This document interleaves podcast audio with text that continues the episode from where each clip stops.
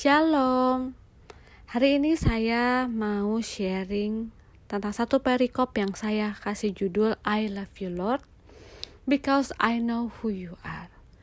Ya, statement I love you itu sering banget kita dengar. Sering banget kita ucapkan. Ya, tapi saat statement ini kita ucapkan hanya dengan mulut, pastinya akan berbeda saat kita ucapkan kata-kata ini dengan mulut dan hati kita. Ya. Mungkin kita bahas nanti nih I love you Lord seperti apa sih? I love you sayang c ke pasangan kita. Kalau saya sama suami saya. Ya, setiap hari kita bilang I love you sayang, I love you love. Gitu. Bahkan tutup telepon I love you. Gitu.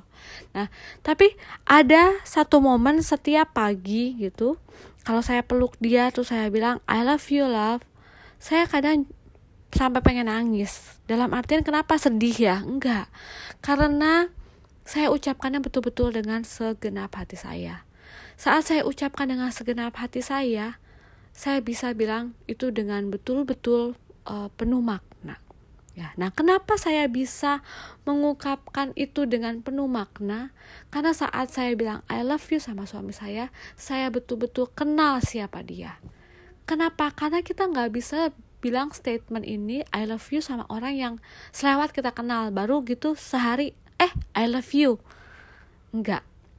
Karena untuk menyatakan satu statement I love you dari mulut dan dari hati itu butuh pengenalan akan seseorang itu tersebut ya sama saya seperti sama suami kadang saya pengen nangis. Karena kamu kenapa sih? kata suami.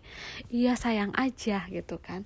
Karena kita mengingat betapa baiknya dia. Saya kenal dia apa yang udah kita alami sama-sama apa yang udah uh, dia berikan semua pengorbanannya semua kebaikannya. Saya kenal dia dia sayang sama saya apa pun yang dia lakukan itu karena dia sayang sama keluarga sayang sama saya. Itu bikin kita betul-betul saat mengungkapkan I love you tuh betul-betul sepenuh hati. Ya. Nah kita bisa mengungkapkan I love you sepenuh hati kalau kita kenal siapa orang tersebut. Sama seperti Allah kita bisa sih setiap hari oh yes selamat pagi I love you Lord. Udah gitu udah aja.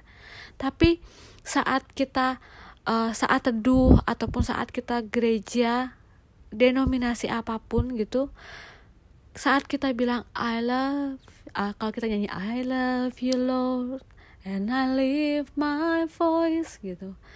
Kita mau nyanyi lagu itu aja baru sebait kayaknya air mata udah pengen ngucur gitu ya. Kenapa Duh Tuhan saya sayang banget sama Tuhan.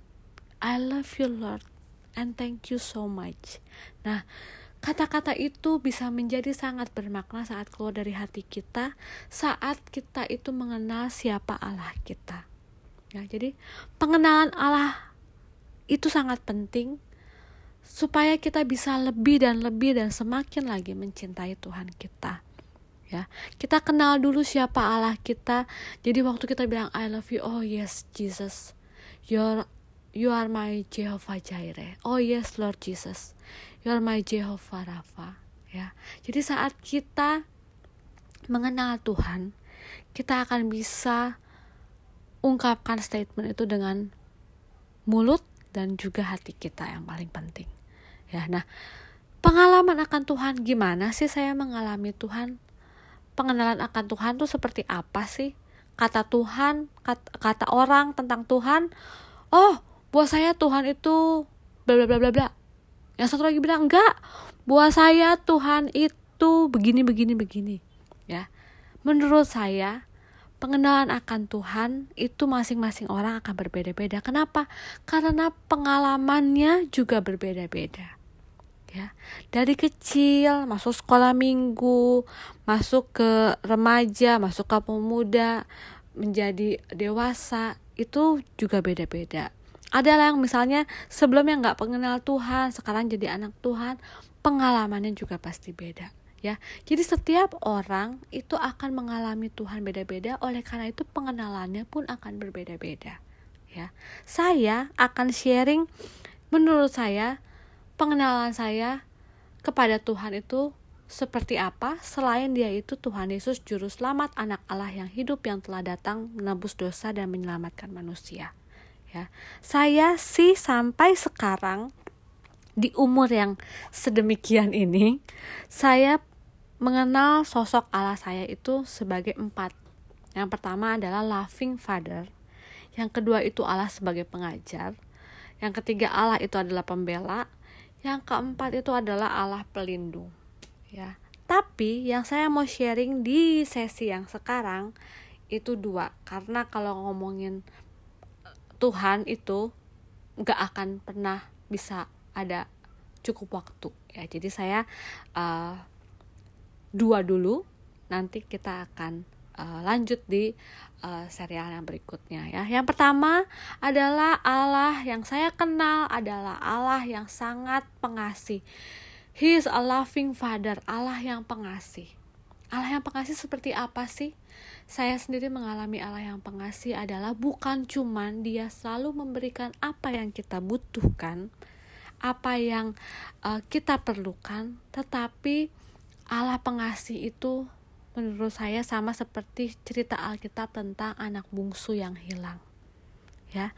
Jadi anak bungsu yang terhilang terhilang dalam artian bukan dia hilang gitu tapi karena dia tersesat ya udah ngabisin harta bapaknya udah ng ngambil harta bapaknya sebelum waktunya ini anak bungsu ya kalau sekarang dibilang anak durhaka gitu ya bapaknya belum meninggal udah diminta harta warisannya. Oke terus diminta dan dihambur-hamburkan untuk kesenangan duniawi. Saat akhirnya habis dia nggak bisa beli apa-apa nggak punya apa-apa bahkan makan pun nggak bisa makan juga harus makanan babi.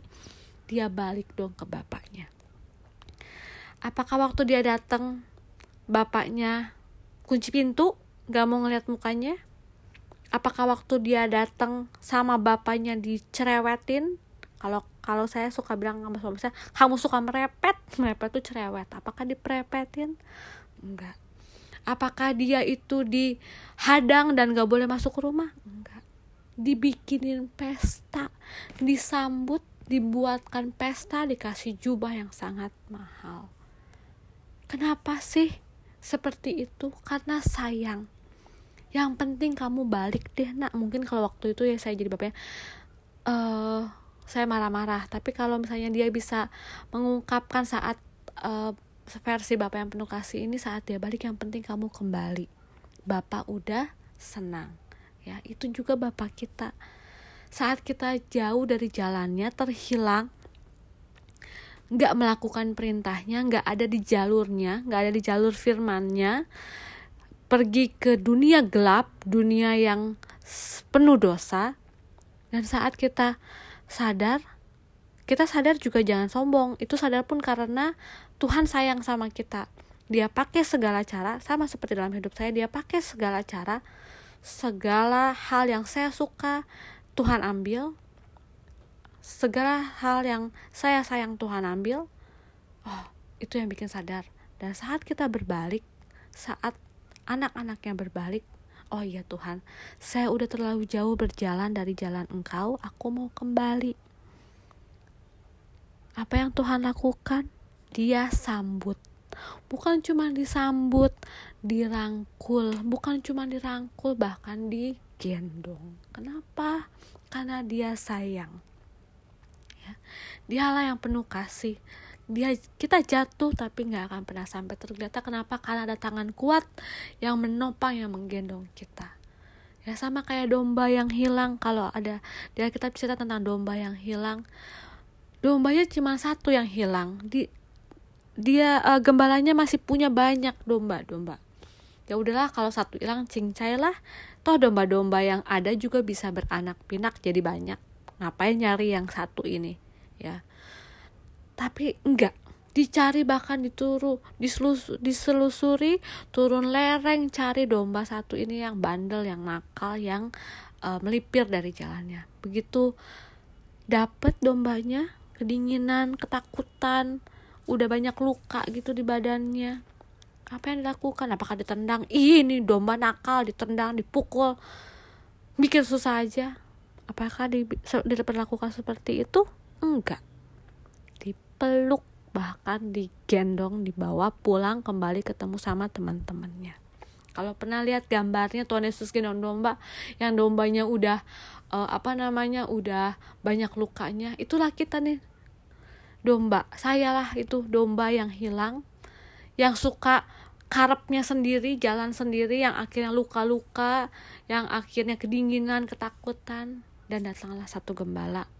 Yang saat kita pengen berbalik dia merangkul, dia menggendong. Jadi seberapapun jauh kita udah menyimpang dari jalan Tuhan, pengampunannya nggak pernah nggak cukup untuk menyelamatkan kita. Nggak ada dosa yang terlalu besar yang Tuhan nggak bisa ampuni saat kita betul-betul sungguh bertobat. Tuhan ampuni saya, saya udah jauh berjalan di luar jalan Tuhan. Tapi sekarang saya kembali. Lihat aku Tuhan, jangan palingkan muka Tuhan daripadaku. Dia itu Allah yang mengasih.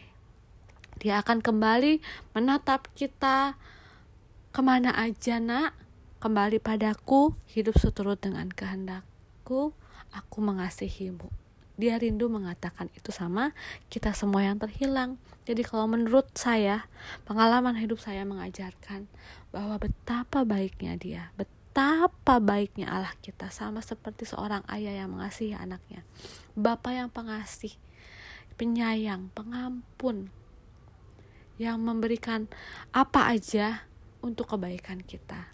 Jadi yang menurut saya yang pertama siapakah Allah kita? Allah kita Allah yang pengasih. Dan yang kedua adalah Allah pengajar ya. Menurut pengalaman saya, Allah itu gak pengen anaknya jadi anak manja. Ya, gak pengen anaknya, yes, uh, kita adalah princess, daughter of God gitu ya, anak uh, anak kesayangan Allah gitu, uh, uh, putri putrinya Tuhan ya. Tapi Tuhan gak gak pengen tuh mengajar kita menjadi putri yang manja ya. Allah pengen betul-betul itu saat kamu dibilang kamu itu adalah uh, anak Tuhan, maka semua perilaku kamu itu harus seturut dengan kehendak Tuhan. Ya. Bukan jadi princess yang manja, bukan jadi princess yang punya karakter duniawi. Saat kita dibilang kamu anak Tuhan, dan kita harus punya sifat dan karakter seperti Tuhan. Ya, saya diproses yang menurut saya sih cukup keras ya. Jadi saat saya bilang Allah itu pengajar, saya mengingat hal-hal kesempatan-kesempatan yang Tuhan berikan kepada saya kesempatan untuk merasa kondisi nggak nyaman kondisi yang gak enak secara manusia, menanti sangat lama, doa yang gak dijawab, orang-orang yang berkata gak enak, orang-orang yang uh, mengucapkan hal-hal yang gak baik, itu adalah pengajaran-pengajaran Tuhan buat uh, saya ya. Makanya saya bilang Allah itu pengajar. Kalau saya bilang iya kadang Tuhan Tuhan itu kejam ya tapi itu buat kebaikan saya ya. Saat kita kenal sama Tuhan kita tahu semua yang diizinkan terjadi itu untuk kebaikan saya ya. Jadi Tuhan itu nggak pengen cuman kita berstatuskan uh, anak Allah. Kalau kita yang perempuan putri Allah gitu ya putrinya Tuhan, princess, daughter of God gitu kan. Anak Allah, anak raja. Gak cuman statement atau title. Tuhan pengen karakter kita, sifat kita, kelakuan kita itu ya udah kelakuan anak Tuhan. Kalau lu ngaku anak Tuhan, dan lakukan seturut dengan kehendakku. Pengajarannya kejam, kalau saya bilang nggak kejam, pengajarannya kadang secara manusia uh, bikin di situasi yang tidak mengenakan. Menanti, menunggu, taat, ngerem mulut gitu kan. Gak ngomong hal yang uh, gak mengumpat, gak bersungut-sungut. Nah itu adalah karakter-karakter yang Tuhan pengen bikin. Saat pengajaran Tuhan kita terima, oh ya Tuhan, kita sadar langsung ini pengajaran dari Tuhan, aku gak boleh bersungut-sungut Nah, saat kita sadar, pengajaran itu akan selesai. Oke, uh, kita akan ada pengajaran baru atau ada Tuhan kasih kesempatan untuk kita menikmati berkat-berkatnya. Tapi ada lagi nanti pengajaran. Tapi kalau kita dikasih satu pengajaran, kita itu uh, stubborn, keras kepala, nggak mau taat, nggak mau berubah, akan terus-terusan dikasih itu lagi itu lagi kenapa? Sampai kita akhirnya sadar oh iya Tuhan ini adalah pengajaran dari Tuhan. Ya. Satu hal aja yang menurut saya kenapa sih Tuhan itu saya bilang Tuhan pengajar ini satu hal yang kecil. Ada banyak pengajaran-pengajaran lain ya uh, saya dikasih satu apartemen baru sama Tuhan. Apart Tuhan itu kalau kasih nggak pernah nanggung-nanggung cuy. Tuhan selalu kasih yang terbaik buat anak-anaknya. Apa yang kita minta selama itu berkenan selama itu bisa memuliakan Tuhan dia nggak pernah kasih yang setengah-setengah. Ya kasih saya sama suami satu apartemen yang luar biasa ya lokasinya pun luar biasa. Oke udah dikasih dengan cara yang menurut kalau kata suami saya itu banyak invisible hand kita punya apartemen. Karena secara manusia nggak pernah kita bisa menghitung kita punya apartemen ini. Ya jadi itu pertolongan Tuhan hanya semata kasih karunia. Oke udah dikasih apartemen. Apa yang saya lakukan di hari ketiga waktu saya masuk ada satu hal yang bikin saya marah-marah, bersungut-sungut gitu kan ya. Ini tukang gak bener banget sih. Oh, biasa ya namanya saya itu kelemahannya adalah suka uh, ngomel gitu ya. Mulutnya tuh suka yang uh, kalau misalnya ada yang gak suka, suka kadang pengen ngomel gitu. Nah, saya akhirnya uh, telepon sama suami saya terus saya marah-marah. Tapi marah-marahnya uh, saya curhat sama suami saya, tapi saya marah-marahnya sebenarnya ke tukangnya gitu ya. Terus tukang gimana sih? Pokoknya bersungut-sungut. Kalau kata suami saya kamu itu bersungut-sungut gitu. Yang terjadi adalah saya kekunci di apartemen saya sendiri nggak bisa saya buka pintunya gitu kan.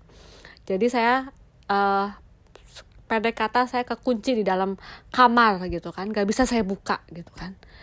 Begitu saya nggak saya panik gak bisa buka kuncinya. Ini gimana nih? Nggak lucu banget saya kekunci di apartemen saya sendiri. Sedangkan nggak akan mungkin uh, apa namanya saya bisa keluar kalau misalnya itu kekunci ya nah tapi saat itu saya uh, instead of panik saya langsung yang diem nah inilah kamu kayak bangsa Israel udah dikasih berkat dikasih mana, dikasih tiang garam, dikasih tiang api, masih bersungut-sungut sama Tuhan.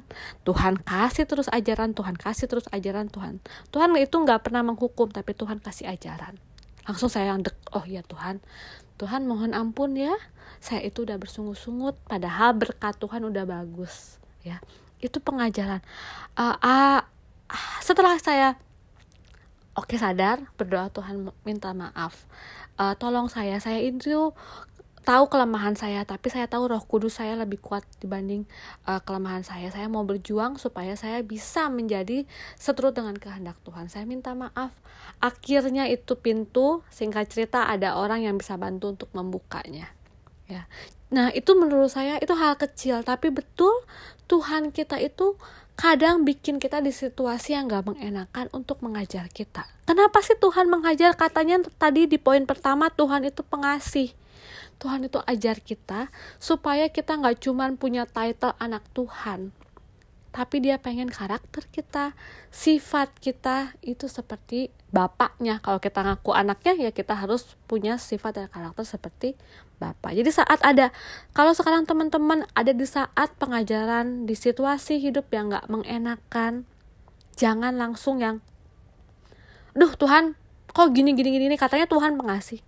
Kita diam dulu, kita berdiam diri bersaat teduh Tuhan. Tuhan mau ajar saya apa ya?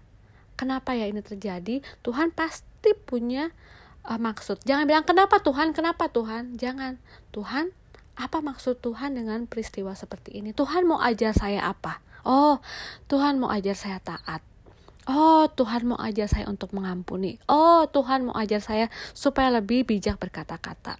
Ya. Karena dalam Matius 16 ayat 24 dibilang, setiap orang yang mau mengikut aku, ia harus menyangkal diri, memikul salibnya dan mengikut aku. Ya, kata-kata menyangkal diri ini akhirnya saya dapat uh, bahwa itu adalah pembelajaran yang Tuhan berikan. Menyangkal diri itu melakukan hal-hal yang kita kita tidak melakukan hal-hal yang kita pengen. Nah, itu menyangkal diri. Saat kita pengen ngomel, kita tahan, itu menyangkal diri.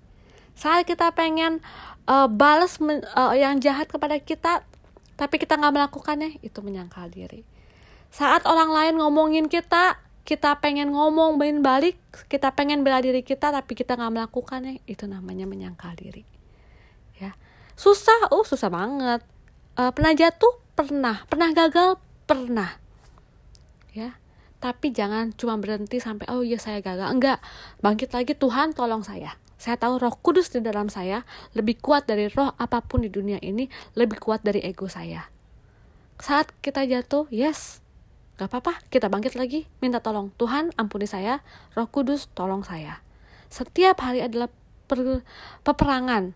Melawan siapa? Bukan melawan orang, bukan melawan roh-roh jahat, melawan ego kita. Ya. Menyangkal diri, bangun pagi. Aduh, masih ngantuk. Belum renungan. Oke. Mulai hari kamu dengan saat teduh. Oke, bangun. Aduh ngantuk banget sih Tuhan, tolong ya ini sehari ini aja. Enggak deh, bangun, menyangkal diri. Ya, menyangkal diri, pikul salib Tuhan bilang. Susah, tidak ada perkara yang mustahil bagi Tuhan. Ya, kita pasti bisa. Kenapa? Karena kita punya roh penolong yaitu Roh Kudus ya. Jadi dua pengenalan akan Allah yang saya boleh alami dua lagi akan ada di uh, sesi selanjutnya. Tetap di dalam perikop I love you Lord because I know who you are. Tuhan Yesus memberkati bersama dia ada damai